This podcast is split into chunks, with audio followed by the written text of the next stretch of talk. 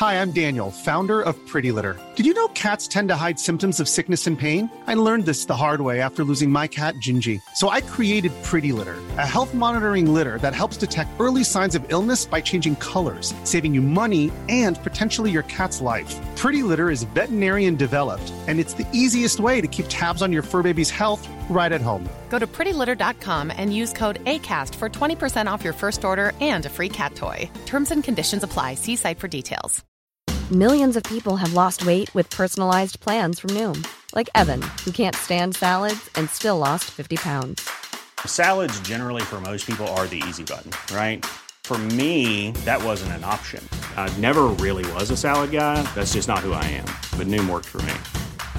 Get your personalized plan today at Noom.com. Real Noom user compensated to provide their story. In four weeks, the typical Noom user can expect to lose one to two pounds per week. Individual results may vary. Hey, it's Ryan Reynolds, and I'm here with Keith, co star of my upcoming film, If, only in theaters, May 17th. Do you want to tell people the big news? All right, I'll do it. Sign up now and you'll get unlimited for $15 a month in six months of Paramount Plus Essential Plan on us. Mintmobile.com slash switch. Upfront payment of $45 equivalent to $15 per month. Unlimited over 40 gigabytes per month. Face lower speeds. Videos at 480p. Active Mint customers by 531.24 get six months of Paramount Plus Essential Plan. Auto renews after six months. Offer ends May 31st, 2024. Separate Paramount Plus registration required. Terms and conditions apply if rated PG. Så til aftenens tema. Det er vel ikke ett menneske i denne sal som ikke følger med på det som skjer i Ukraina med Russlands fullskala angrepskrig der. For noen dager siden så, så jeg et oppslag hvor man diskuterte statslederes rasjonalitet. Noen av oss har deltatt i debatten og sagt hva vi mente om Putins rasjonalitet, og fått på pukkelen fordi at i hans verden så er det han gjør, veldig rasjonelt. Så kan kanskje noen av oss si at ja, vi forstår jo hva han vil. Men når han ikke engang, forhåpentligvis, klarer å nå frem militært, hvor rasjonelt er det da? For å forstå den problemstillingen der må du forstå Russland. Og Det er derfor vi er så glad for å ønske velkommen igjen Tor Bukkvold, sjefsforsker ved Forsvarets forskningsinstitutt. Få har større innsikt i det som rører seg i Russland nå, og hva Russland egentlig er. Og Russland er det for evig et annet sted?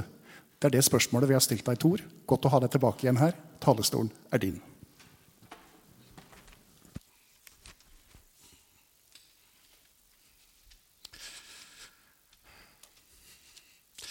Takk for det. Takk for invitasjonen til å komme og snakke. Det er en viss sånn eh, altså Å bli bedt om å holde foredrag i Oslo Militære Samfunn er noe annet enn å bli bedt om å holde foredrag andre plasser.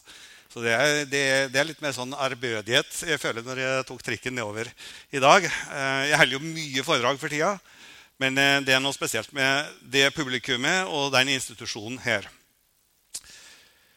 Så er det sånn at eh, Nesten alle foredrag jeg holder for tida, de handler om krigen og hvordan krigen går. Så det er artig å få snakke om noe som jeg, selv om det henger sammen, så er det lite annerledes.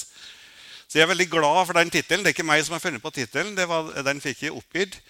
Men jeg, jeg det var en veldig bra tittel.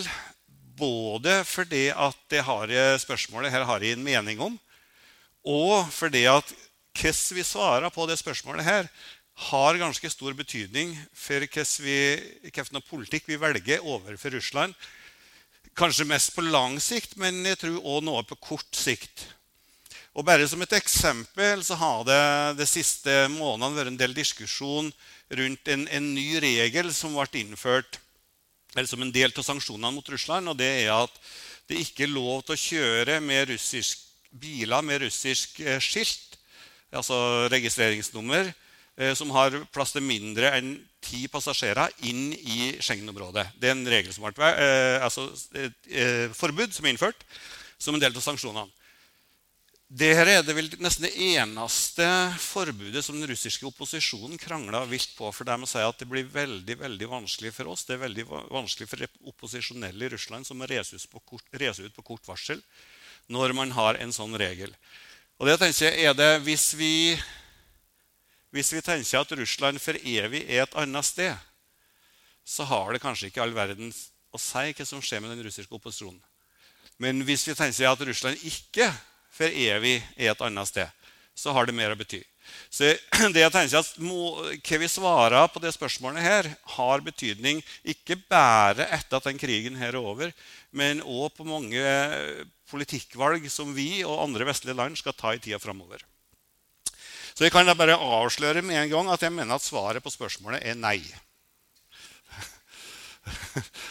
Og det har jeg tenkt å bruke dette foredraget her på å begrunne. Og så skal jeg nyansere det standpunktet og en del underveis. Og så tar jeg gjerne imot krangling og opposisjon eh, i spørsmålsrunden etterpå. Så må man selvfølgelig må definere også før jeg går på, på neste plansje, hvordan man skal forstå det her med et annet sted. Det er jo et Uttrykket kommer jo fra boka til Petter Nordmann Våge, som kom for mange, ganske mange år siden.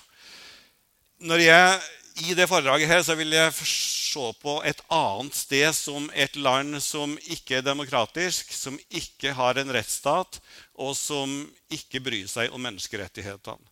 Det ser jeg på som et annet sted. Så Jeg ser ikke på det som at russerne har en annen kultur enn oss. For det har de selvfølgelig. Det har svenskene òg. Og jeg kan bare si jeg kommer fra Røros, og når jeg kom til Oslo, så viste det seg at det var ganske store kulturelle forskjeller inn i Norge òg.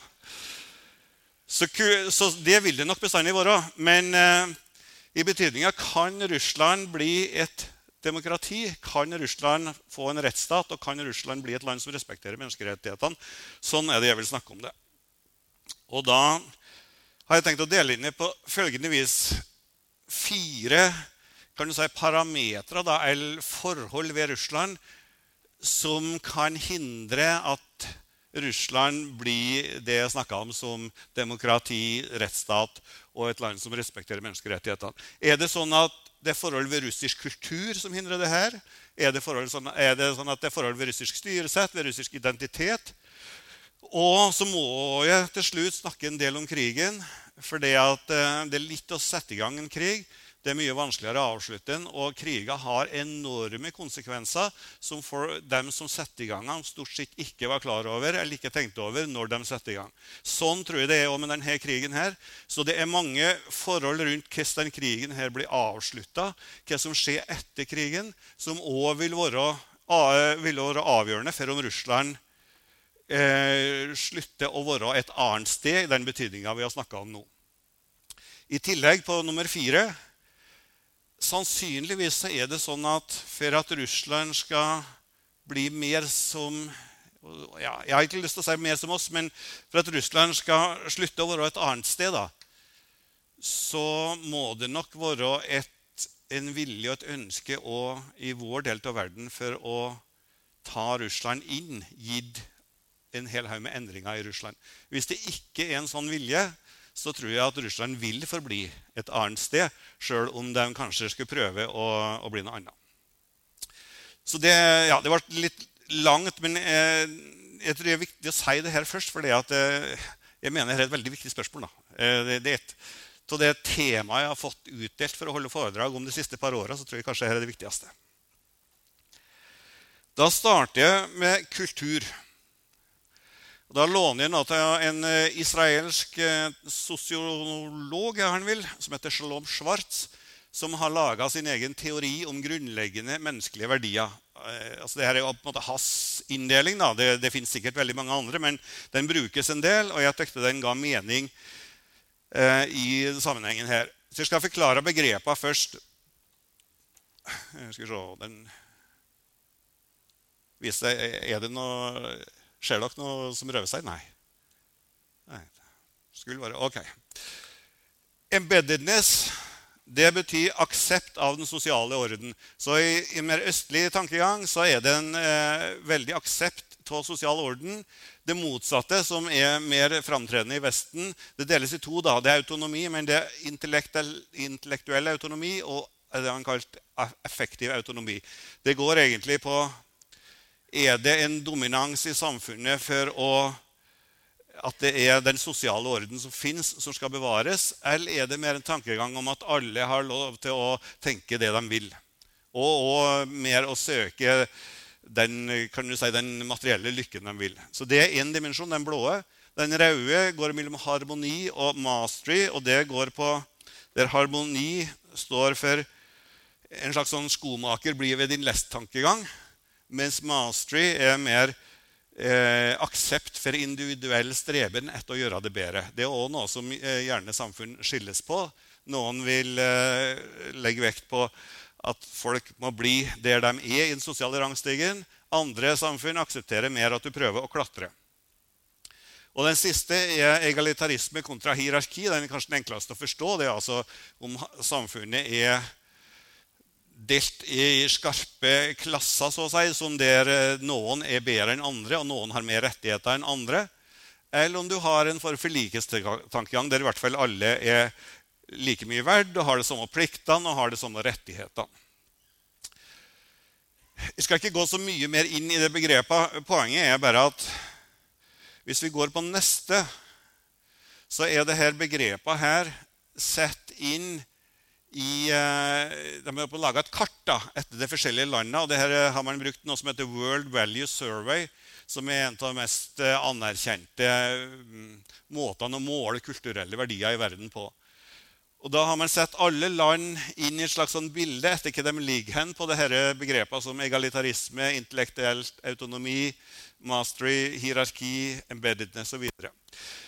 Hovedpoenget her uten å gå i detalj er at innafor den røde sirkelen, og den er det meg som har tegna den, så ser vi at nesten alle land er demokrati. Altså det er demokrati, det er land med rettsstat, og det er land med, som respekterer menneskerettighetene. Så ut fra her så kunne man kanskje tenke seg at det er sånn at styr, måten landet fungerer på, er direkte avhengig av de kulturelle verdiene i det landet. Men hvis du ser lenger bort og Her skulle jeg gjerne hatt denne pekeren, men den eh, den fungerer ikke. Hvis dere ser lenger bort, da, så ser dere at det er land f.eks. Sør-Korea ligger kjempelangt unna denne røde sirkelen. Nederst til høyre der omtrent. Og et demokrati.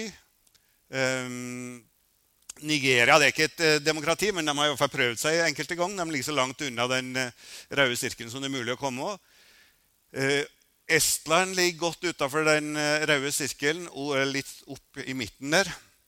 Så poenget med dette kartet her er å si at selv om det ser ut til å være en sammenheng mellom de verdiene som vi kjenner fra Norge og fra de fleste vestlige land, og en rettsstat, et demokrati og, og respekt for menneskerettighetene, så har du altså fulgt eksempler lenger unna, ganske langt unna på land som eh, fungerer på det viset, til tross for å ha ganske forskjellige kulturelle verdier. Og det jeg, Da kan ikke være sånn at du må på en måte ha de samme kulturelle verdiene som dominerer her i vårt samfunn, for å, for å kunne utvikle eh, demokrati, rettsstat og menneskerettigheter. Russland og Ukraina ligger jo langt unna, men er nå per i dag ganske på forskjellig plass. Russland er autoritært, og noen vil si til og med totalitært. For det har vært, særlig at krigen starta, så har det jo gått enda fortere i, i gal retning. Ukraina er ikke, er ikke, et fullt fungerende demokrati, men de er ganske langt på vei i den retningen. Så jeg tenker ut fra den tabellen her at kulturargumentet for at Russland bestandig skal være et annet sted, er ikke veldig godt. Så skal jeg moderere det med å si at jeg tror likevel det kan være sånn at de politiske verdiene i et samfunn kan gjøre det enklere eller vanskeligere å gå mot demokrati og menneskerettigheter. Og her, her er også fra World Value Survey. da. Og Her er sammenligna Ukraina og Russland med Sverige. Eh, Sverige fordi at Norge var ikke med i den runden i, i World Value Survey. Det er såkalt World Value Survey fra 2010 til 2014. Eh, men her har jeg trukket ut noen av de spørsmåla som man stiller i denne World Value Survey om eh, politisk eh, relevante verdier. Så f.eks. nummer to der vil større respekt for autoriteter være en bra ting? Der ser du altså at I Sverige i den perioden der, så var det kun 22% av befolkninga som mente at det var viktig med mer respekt for autoriteter i Russland og Ukraina henholdsvis 57 og 50 Begge er altså mye nærmere hverandre enn de er Sverige. Men samtidig så er det en viss forskjell. Det er 7% i forskjell. Neste jeg ser meg selv som et uavhengig menneske. Hele 91% av svenskene så det sånn. Russerne på det tidspunktet 22% Ukrainerne 37 en, eh, en ganske betydelig faktisk forskjell på Russland og Ukraina der. Eh, demokrati er veldig viktig. 74 av svenskene sa det. Kun 26 av russerne sa det. 36 av ukrainerne. Poenget her er at så lenge jeg har drevet på med Russland og Ukraina, så har ukrainerne sagt til meg at vi er ikke som russerne. Vi er på en måte en sånn øh, vi er mer naturlig laga for demokrati enn det russerne er. Russerne har et, øh, et, et, tankesett som ikke forenes med, øh, forenes med demokrati. Vi har det, har ukrainerne sagt. Og jeg har tenkt tjaha, det jeg, jeg har ikke kjøpt det argumentet da veldig lenge. Men de siste fem-ti åra har jeg kjøpt det mer enn jeg gjorde før. Så nå tror jeg at er, Ukrainerne har i hvert fall et poeng når de sier at de har en politisk kultur som antagelig har gjort det overgangen til demokrati noe enklere der enn den vil være i Russland Det betyr ikke at det er umulig i Russland, men det betyr sannsynligvis at kultur kan ha en påvirkning uten at det trenger å ekskludere land fra å tre inn i klubben som demokrati eh, og land med menneskerettigheter. Ukrainerne sjøl har for øvrig et eget navn på det her. De kaller det Volnitsa, som betyr den ukrainske tendensen til å ikke akseptere at noen bestemmer over deg. Og, og at det, det, er vanskelig å, å, å finne noe lignende i Russland, og det tror jeg kanskje de har et poeng. Det var det jeg hadde tenkt å si om, eh, om, kultur som en forutsetning for at Russland ikke skal bli et annet sted for, for alltid. Altså jeg, jeg, kommer til å oppsummere det helt til slutt i foredraget. Det andre punktet mitt hvis da kommer jeg tilbake til den eh, innholdslista på begynnelsen, var styresett. Og det med styresett så er jeg delt i to deler. så Jeg snakker først om styresett i betydning av økonomi, og så snakker vi om styresett mer rent politisk etterpå. Og da En av det jeg skal si, teoriskolene som brukes mest i dag for å forklare forskjellen på land som Norge, Sverige, generelt de fleste land i Vest-Europa og land som Russland, Kina og andre autoritære land, er skillet mellom open access orders og limited access orders. Der en open access order er en samfunn der tilgangen til økonomiske og politiske posisjoner er åpen og basert på ikke-personlige regler og lover. Altså i prinsippet en slags meritokrati. meritokrati. Det, det beste vinner fram. Og det fins et, eh, et, lovverk som styrer det her, sånn at du, du ikke får urimelige fordeler. Eh, i 2010, da Douglas North og hans eh, kollegaer skrev boka 'Violence and Social Orders', den som står øverst til høyre der, altså er grunnlaget for denne teorien, så beregna de at ca. 15 av verdens befolkning på det tidspunktet levde under det man kalte, eh, de kalte 'open access orders'. Eh, det er en del år siden, men dessverre så ser det ut til at utviklinga ikke har gått rette veien på dette området. Så sannsynligvis ikke mer nå, kanskje heller mindre. Motsetningen er limited access order, orders, der tilgangen på økonomiske og politiske posisjoner er begrensa i den hensikt å sikre de økonomiske interessene til en liten elite. Det er altså sånn at En liten elite kupper på en måte staten. kan du si. De kupper det politiske apparatet, og så bruker de sin makt innenfor det politiske apparatet til å, til å danne monopoler i økonomien. Så de kupper både på en måte politikken og økonomien. Og så, så, prøver de å holde alle andre unna der for å kunne nyte godt av det her sjøl. Det er mye mer vanlig, og i 2010 så beregna Douglas North og hans kollega at 85% av jordas befolkning levde i en limited access order. Norge er da, som dere ser med større der, en open access order. Russland er åpenbart en limited access order. Ukraina er per i dag må man nok også fremdeles si en limited access order. Men de gjør i hvert fall forsøk på å gå over til den andre. Og så Noe av clouet i den boka til Douglas North og hans kollega er at de fleste land eh, og de fleste områder i verden var på et tidspunkt limited access orders. Det er bare noen få eh, som har klart overgangen til en open access order. Eh, og Det skjedde på forskjellige tidspunkt i forskjellige land. Eh, og Det er derfor jeg har eh, et utdrag fra en artikkel hengt opp der det er en artikkel skrevet av en svensk statsviter som heter Bo Rothstein.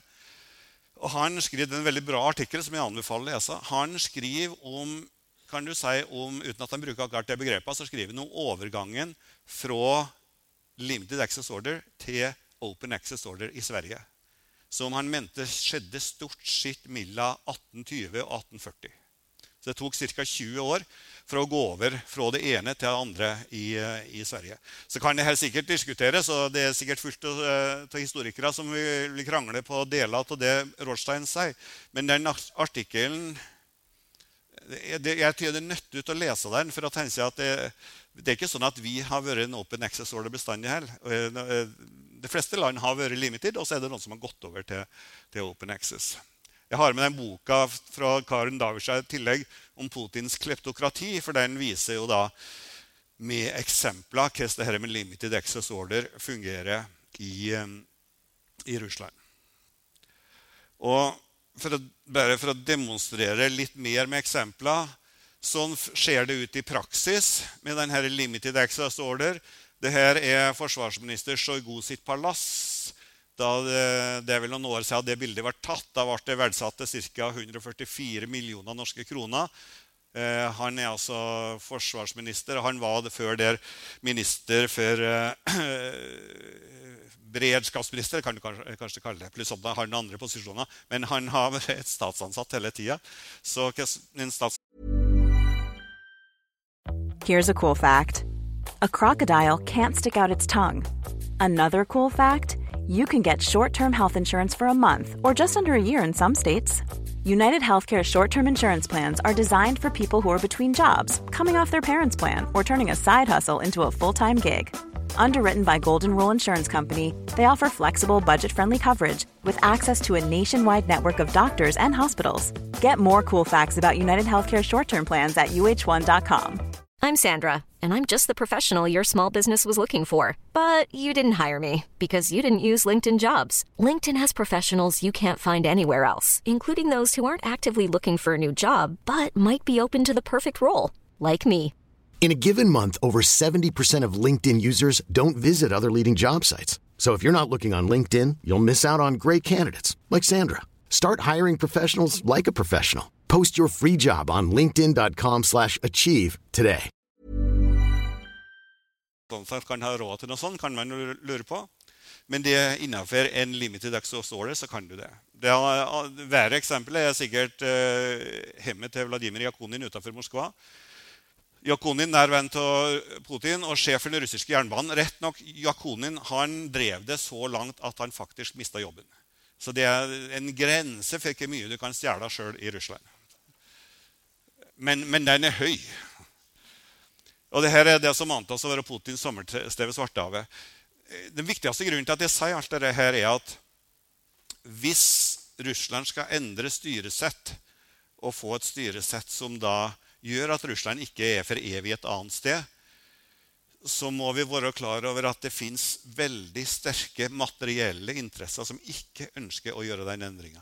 For Hvis den endringa blir gjort, så kan ikke forsvarsministeren bygge seg et sånt hus. Da kan ikke NSB-sjefen bygge seg eh, sånne på lass. Da blir det det er, det er en stor materiell egeninteresse i Russland, i den russiske eliten, for å beholde det styresettet som de har i dag.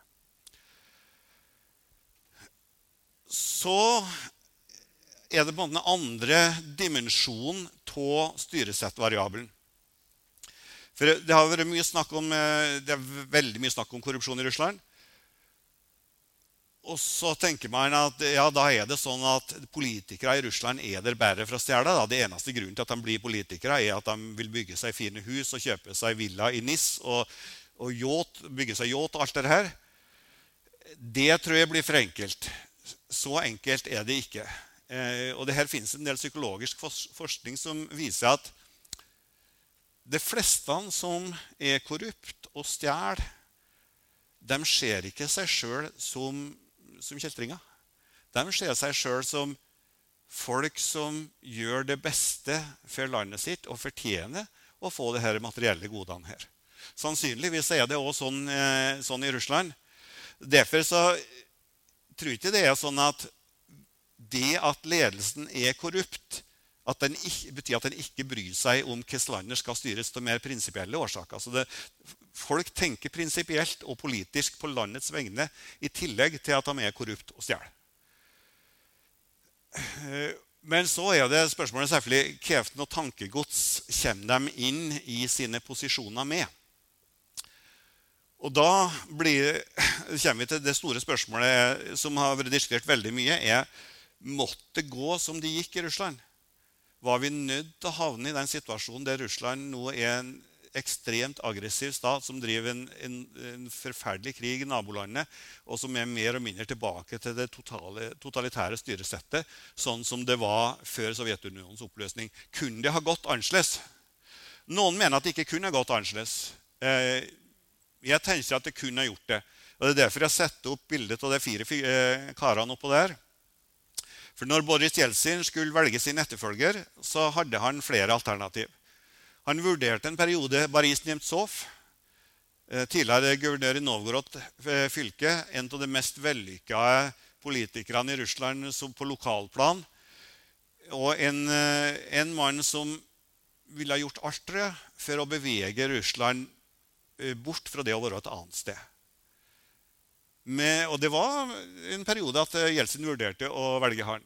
Har han valgt Nemtsov, så kunne det hende at vi ikke har hatt den diskusjonen her i dag. Jeg vet ikke, men det kunne hende. Så er det andre som hevder at eh, en eller annen form for backlash lå i korta. Det var nødvendig, men det trengte ikke å ende opp med Putin. Det kunne f.eks. ha endt opp med Jevgenij Prevakov. Begge kom fra KGB. Begge kom fra KGB sitt førstedirektorat, som eh, drev med utenlandsetterretning. Men de har ganske forskjellig story eller historie innenfor KGB. Jevgenij Primakov var innenfor en, en, eh, en, en vellykka eh, etterretningsmann og en, en mann med stor prestisje innenfor KGB. Vladimir Putin var en eh, som ikke hadde gjort det spesielt bra. Eh, mens Primakov etter systemskiftet hele tida var en del av det politiske, mer og mindre hele tiden, var en del av det politiske landskapet i Russland, så drev Putin i St. Petersburg på 90-tallet en slags sånn bandittvirksomhet. Så Putin er ja, jeg kanskje går litt langt, men hvis jeg sier det litt sånn sleivete, så er han en halvveis vellykka KGB-kar som har drevet med betydelige tvilsomme ting etter at Sovjetunionen ble oppretta. Mens eh, Primakov var en mye mer prinsipiell mann, kan du si. Så man kan i hvert fall argumentere for at det kun Det var kanskje en uunngåelig med at sånn KGB-backlash, at KGB måtte komme tilbake til makta på et eller annet vis. Men det hadde ganske stor betydning om det ble Primakov eller Putin, og så ble det da Putin. Eh, og det som bakgrunn her, som er særlig viktig å vite, og det er derfor jeg har med boka til Catherine Belton, det er at på slutten av Sovjetia så var det innen deler av KGB, og særlig førstedirektorat, som drev med utenlandsetterretning, en stor forståelse for at kommunismen måtte bort. Det var ikke bare i KGB, du hadde det innen deler av det sovjetiske forsvaret òg. Men mange hadde skjønt i disse organisasjonene her, De kunne ikke si det åpent, nødvendigvis, men de hadde skjønt at det kommunistiske systemet var så ineffektivt økonomisk sett at Russland ville slutte å være en stormakt hvis man bare fortsatte med denne ineffektive kommunismen. Så de tenkte vi må vi er nødt til å over på markedsøkonomi. Vi vil ikke ha med alt det andre tøvet fra Vesten med demokrati og menneskerettigheter, og sånn, men vi må ha markedsøkonomi, ellers så går landet dukken. Og det, Derfor så var det deler, særlig da, nok en gang førstedirektorat eh, innenfor KGB, som støtta eh, Gorbatsjov og perestrojka og glasnost. Særlig perestrojka, da, mindre glasnost. Um, og de hadde nok da tenkt at når systemskiftet kom, når det økonomiske systemskiftet kom, så skulle de få en ledende posisjon i det nye samfunnet. De skulle lede det nye Russland framover. Og eh, antagelig så tenkte han at det, det, kommer til å droppe litt på oss eh, når vi gjør det. Altså vi, vi, vil ta det som måte, vi, vi, fortjener ut fra vi, den tjenesten vi gjør for landet. Så mista de taket rett og slett på 90-tallet. Så reformene gikk altfor fort, og kontrollen eh, over endringer i systemet ble borte. Og Jeltsin lefla med, med vestlige sånn som Nemtsov. Og det var frykt tror jeg, innenfor det her gamle KGB-sjiktet på at de forandringene de sjøl har vært med å inspirere, eh, at de skulle miste helt kontrollen over det. Derfor var det helt fantastisk når Putin, som da Jeltsin og klikken Jeltsin de regna med at Putin kan vi bruke, for han kan vi bestemme over. Han kan han gjøre som vi har tenkt. Men det var jo en fantastisk sjanse for KGB til å komme tilbake.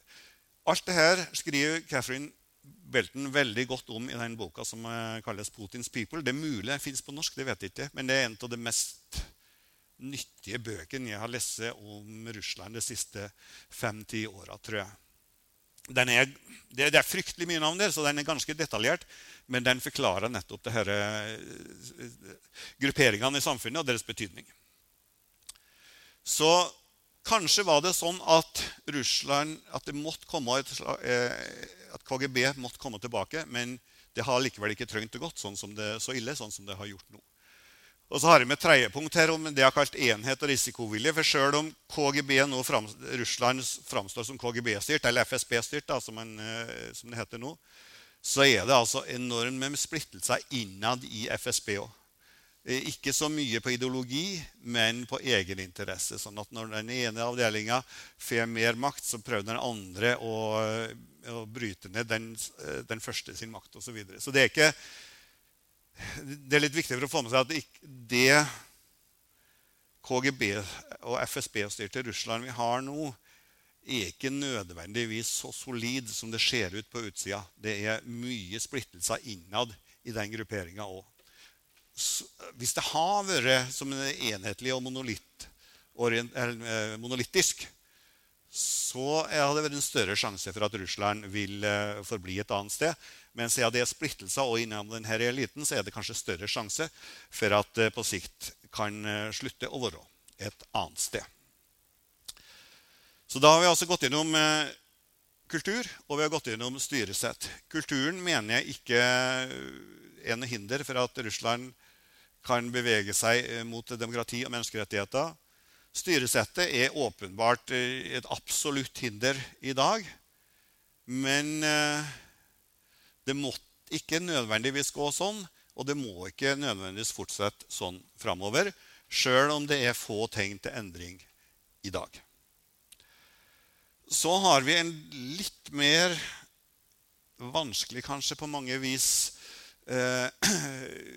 Om vi skal kalle det variabel, eller om vi skal kalle det en, eh, en karakteristikk ved Russland, og det er eh, identiteten. For Man kan tenke seg at det var sånn at russisk identitet, eh, ideen om at de er forskjellige, eh, ideen om at de skal være et, eh, et, autoritært land, ideen om at de skal være et imperium, gjør at Russland bestandig vil bli et annet sted. Så er det da sånn at den russiske befolkninga er veldig opptatt av imperiet, er veldig opptatt av å bli stormakt, at det er det som betyr mest, mulig, mest for dem. Hvis det er sånn, så er det vanskeligere å se for seg at Russland skal slutte over et annet sted. Men det vi har til meningsmålinger, tyder egentlig ikke på det. Så hvis dere ser på denne her, da, så er det russerne identifiserer seg med mer og mer? En lang periode fra, på mye av 2000-tallet så var det den russiske føderasjonen som eh, russerne identifiserte seg mest med det ser ut til å ha skifta rundt eh, skal bli 2018 omtrent. Eh, cirka da. Så nå ser dere at identifiseringa med Russland, som er på en måte det Putin ønsker at befolkninga skal tenke på, den går nedover. Og Den gikk nedover før krigen i Ukraina, mens identifiseringa med Sovjetunionen skjøt rett i været. Og Hva betyr dette her? Jo, det betyr at det, den pakken Rus, eh, Putin prøver å selge befolkninga, at vi er arv, arvtakeren av det gamle russiske imperiet, og det er det gamle russiske imperiet som vi skal gjenopprette.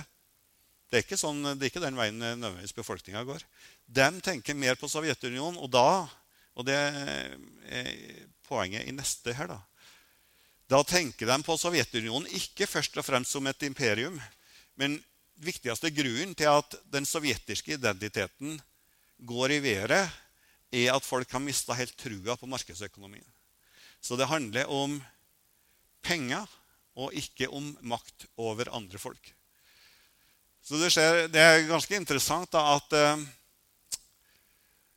antivestlige holdninger som en forklaring på økende sovjetisk identitet i den russiske befolkninga i dag, har vært stort sett på vei nedover. Det er litt høyere etter erobringa av Krim i 2014. Men det som betyr mest for folket, er det materielle. Altså at markedsøkonomien sånn som den er i Russland i dag, ikke tilfredsstiller det kravet de har til et godt liv. Så har du en del eh, det grå der er konservative verdier. så Det er også ganske sterkt, men det har på en måte vært sterkt hele tida. Det med participation er jeg ikke helt sikker på hva de mener med.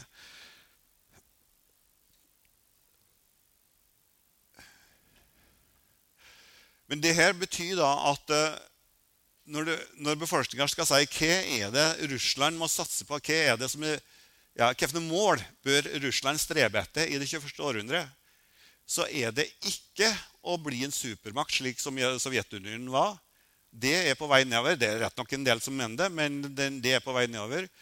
Det folk er mest opptatt av, er at Russland blir et av de 10-15 økonomisk mest utvikla og politisk mest innflytelsesrike landene i verden. Så befolkninga er i stor grad opptatt av økonomien og hvordan de lever i dagliglivet. At det er nok til, til, det de trenger i dagliglivet.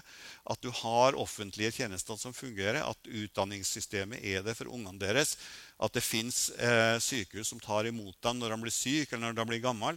Det her ser det ut som da, fra meningsmålingene her i hvert fall, som er mye viktigere for russerne jevnt over enn det å være en stormakt. Eh, og det å å dominere det postsovjetiske området, altså dominere det postsovjetiske området, som er, det, eh, som er til bakgrunnen for det Putin holder på med i dag, var på det høyeste oppe på 16% I 2020 så var det helt ned på 6% Så det altså Når Putin starta krigen mot Ukraina, så var den pakken han prøvde å selge til befolkninga, at Eh, Dette er viktig for vår, eh, for vår imperiale framtid. Og det skal ikke koste dere så mye.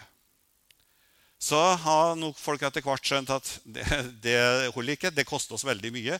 Våre sønner og etter hvert også noen døtre dør i hopetall i Ukraina. Dette koster ganske mye. Det koster også mye økonomisk. I 2021 så sa ca. 20% av russerne at lønna ikke strakte til det de trengte til daglig. Nå kom det en meningsmåling for en eh, måned siden der 45% av russerne sa at lønna ikke strekte til, det som, eh, til daglig forbruk. Så alt dette betyr at det, som, det ser ut som Putin prøver å selge som pakke til befolkninga nå, da, er at eh, Russland kan bli et slags sånn nytt Sparta. Vi skal leve Eh, på grensen til, til, sult. Vi skal, på en måte, vi skal bruke så lite som mulig, vi skal ha det så lite hyggelig som mulig. Men til gjengjeld så er vi stor og sterk militært, og vi, kan bli, og frykta av våre naboer, og vi har eh, makt i verden. Alt det vi har sett på til meningsmålinga så langt, tyder på at det er ikke det Russland som den russiske befolkninga er, er rede for. Så hvorfor protesterer de ikke mer på gatene? Sannsynligvis har de kjøpt mye av eh, propagandaen når det gjelder eh, krigen i Ukraina. Eh, akkurat den. Så de tror en del på det. Og så er det rett og slett frykt. Og det, Du kan holde en befolkning nede i frykt lenge, men ofte så spriker det på et eller annet tidspunkt. Skal jeg bruke den siste tida på å snakke om krig? For hvis det er noe sånn som jeg har sagt så langt, da, at Kulturelt så er det ikke noe hinder for at Russland eh, kan bevege seg bort fra å være et annet sted. Eh, styresettet er et absolutt hinder, men kan endres rimelig fort. Og befolkninga sine ønsker for framtida tyder på at Russland heller vil slutte å være et annet sted enn å fortsette å være et annet sted. Så det er jo ikke sikkert at vi tar dem inn. Og hva skal til for at vi tar dem inn og i betydninga eh, støtte en mulig overgang til et, et, Russland som ikke er et annet sted.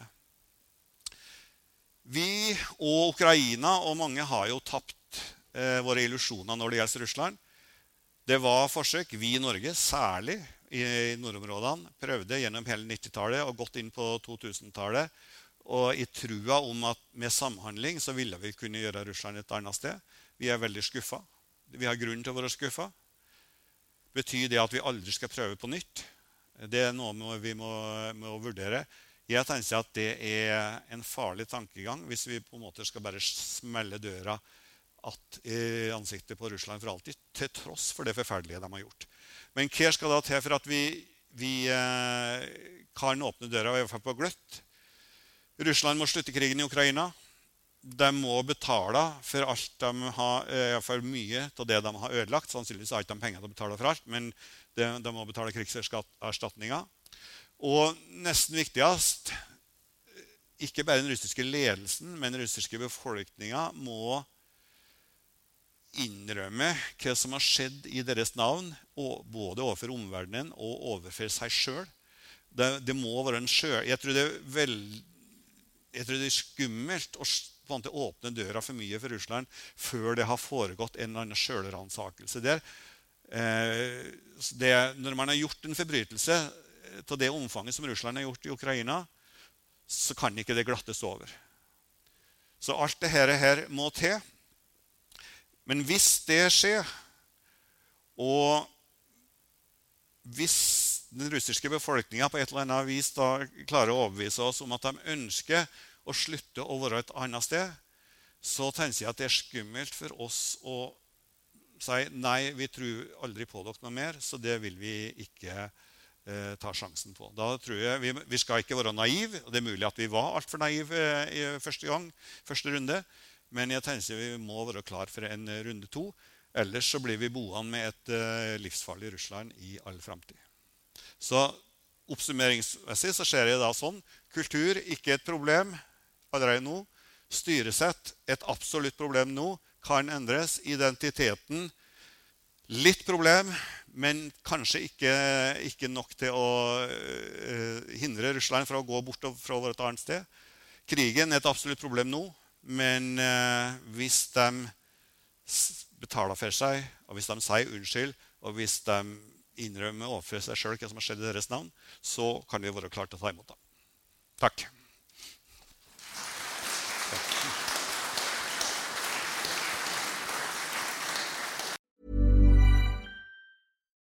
Why don't more infant formula companies use organic, grass fed whole milk instead of skim? Why don't more infant formula companies use the latest breast milk science? Why don't more infant formula companies run their own clinical trials? Why don't more infant formula companies use more of the proteins found in breast milk? Why don't more infant formula companies have their own factories instead of outsourcing their manufacturing? We wondered the same thing. So we made ByHeart, a better formula for formula. Learn more at byheart.com.